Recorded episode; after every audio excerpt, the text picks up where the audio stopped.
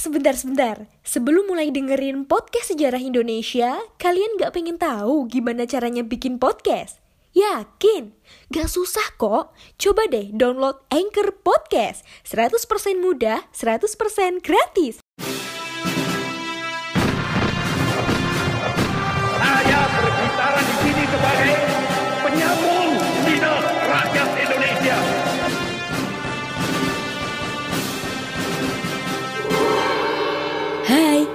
Kalian sedang mendengarkan Poseidon, podcast sejarah Indonesia.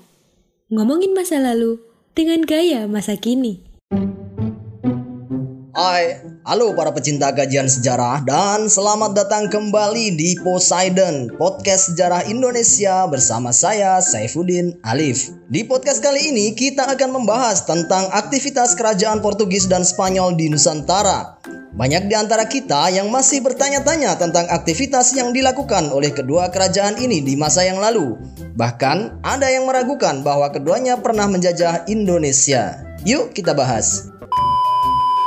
Kedatangan orang-orang Eropa di Nusantara disebabkan oleh beberapa faktor. Di antaranya adalah jatuhnya wilayah Konstantinopel pada wilayah kelompok Islam di bawah pimpinan Muhammad Al-Fatih. Kedatangan orang-orang Eropa di Nusantara disebabkan oleh beberapa faktor. Di antaranya adalah jatuhnya wilayah Konstantinopel pada kelompok Islam di bawah pimpinan Muhammad Al-Fatih pada tahun 1453. Hal ini memberikan dampak yang luas bagi lalu lintas perdagangan dunia, sebab dengan dikuasainya wilayah tersebut oleh kelompok Islam, kelompok Kristen tidak bisa lagi melakukan transaksi perdagangan sebagaimana biasanya. Blokade ekonomi ini mengakibatkan terjadinya kenaikan harga rempah-rempah di Eropa. Terdorong oleh motif ekonomi untuk mencari wilayah rempah-rempah dan spirit reconquista yang muncul akibat perang salib, maka Spanyol dan Portugal di bawah pimpinan Paus Alexander VI melakukan pengusiran secara besar-besaran pada bangsa Moor atau bangsa Islam dan terdorong oleh motif ekonomi untuk mencari wilayah penghasil rempah-rempah dan spirit reconquista yang muncul akibat perang salib, maka Spanyol dan Portugal di bawah pimpinan Paus Alexander VI melakukan pengusiran secara besar-besaran pada bangsa Moor atau kelompok Islam dari semenanjung Iberia serta melakukan perjanjian Tordesillas pada tahun 1494. Melalui perjanjian ini, gereja membagi dunia menjadi dua bagian. Garis demarkasi dalam perjanjian Tordesillas mengikuti lingkaran garis lintang dari Tanjung Verde sampai melampaui dua kutub bumi. Dalam perjanjian ini, Spanyol mendapatkan benua Amerika, sedangkan Portugis mendapatkan benua Afrika dan India. Hingga akhirnya, kelak mereka bertemu di wilayah Nusantara, tepatnya di Maluku, atau saat ini lebih dikenal dengan Provinsi Maluku Utara. Kedatangan Portugis pada tahun 1511 di Malaka dan 1512 di wilayah Maluku Utara menimbulkan konflik baru dengan Spanyol sehingga muncullah perjanjian Zaragoza yang kemudian mengatur kembali garis demarkasi yang telah mereka sepakati. Perjanjian ini mengakibatkan Spanyol meninggalkan Nusantara dan menuju Filipina. Dan di sesi kali ini kita akan fokus untuk membahas pertikaian Spanyol dan Portugis di wilayah Maluku atau antara Portugis, Spanyol, Ternate, dan Tidore.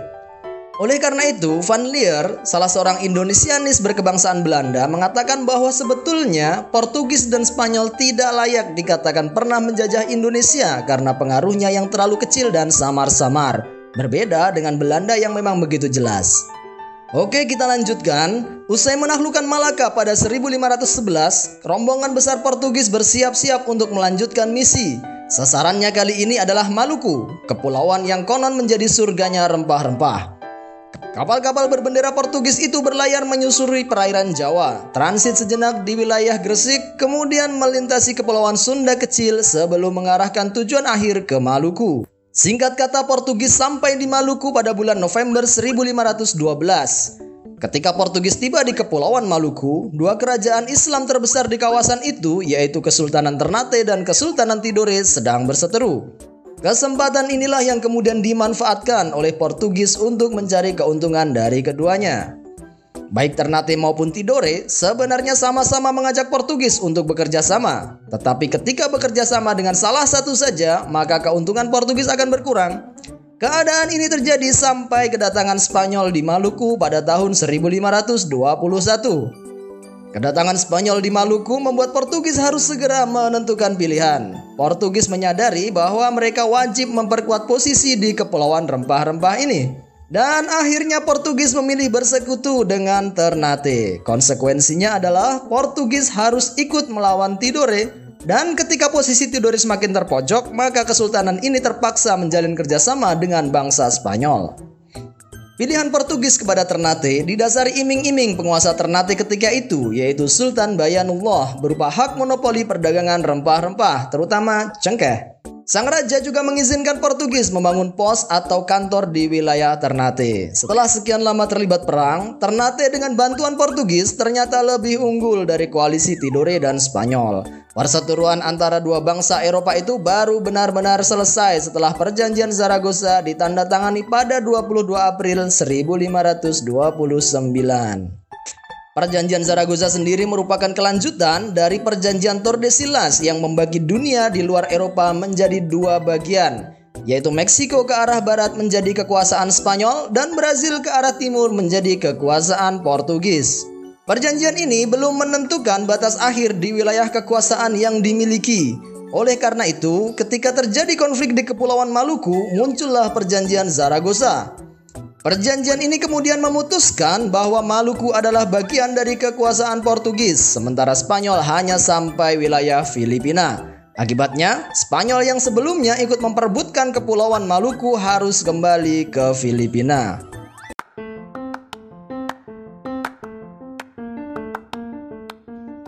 Halo Sobat Poseidon, kalian pasti sudah tidak asing lagi dengan Anchor.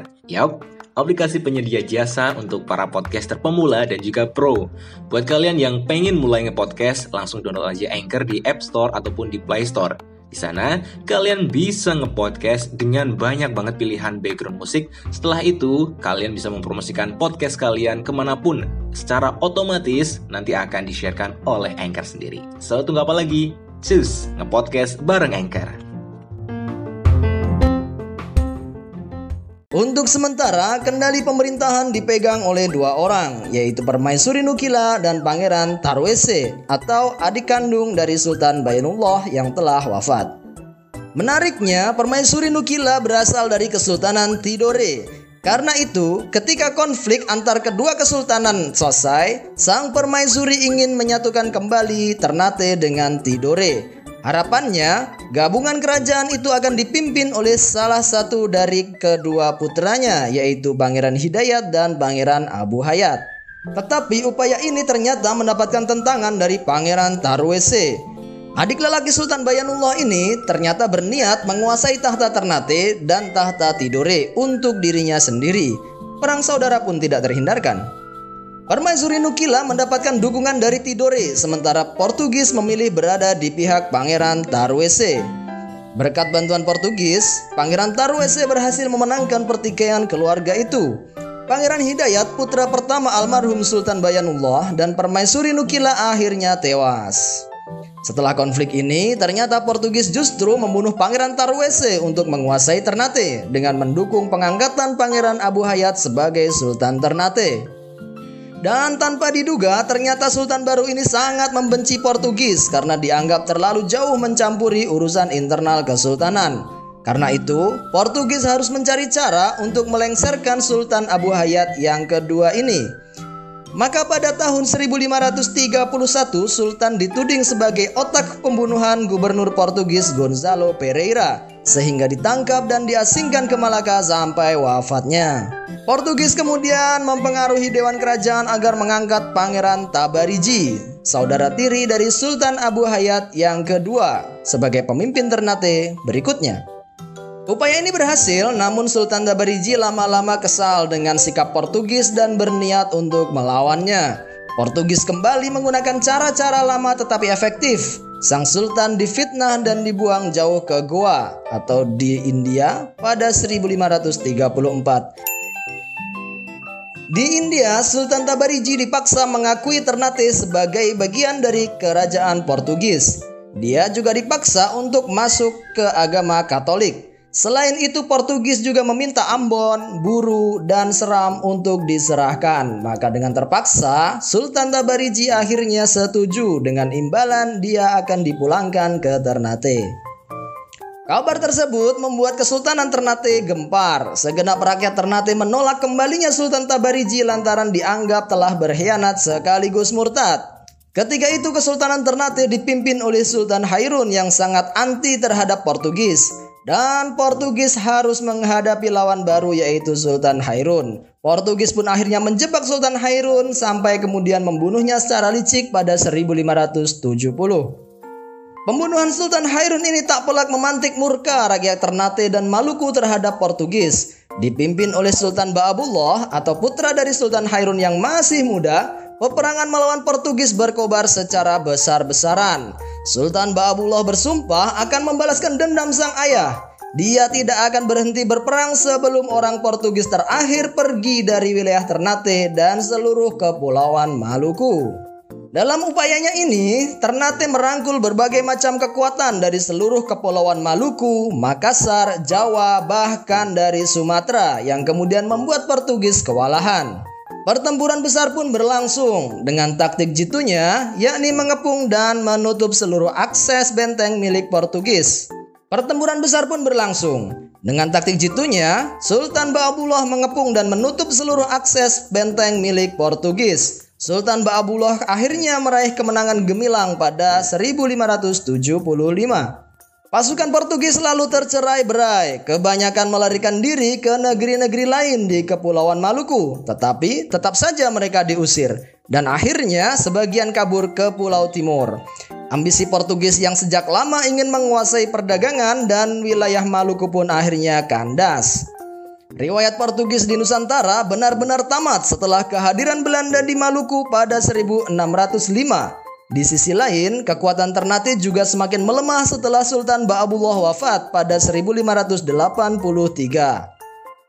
Kelak, Belanda lah yang berhasil menguasai Maluku, bahkan nyaris seluruh wilayah Nusantara dan mengendalikannya selama berabad-abad. Di sini kita tidak membahas banyak tentang Spanyol, karena memang tidak banyak yang dapat diceritakan selain kegiatan Spanyol yang melakukan praktik perdagangan rempah-rempah di wilayah Tidore. Sehingga tidak heran jika Van Leer sama sekali tidak menganggap bahwa Spanyol pernah menjajah Indonesia. Jadi kesimpulannya adalah Silahkan disimpulkan sendiri. Dan sampai di sini dulu pembahasan kita tentang Portugis dan Spanyol di Nusantara. Sampai jumpa di kesempatan yang lain.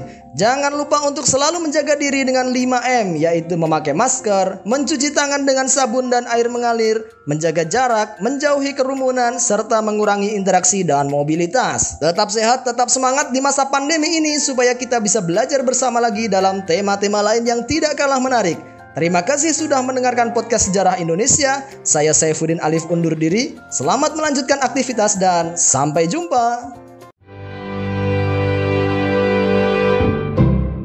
Terima kasih.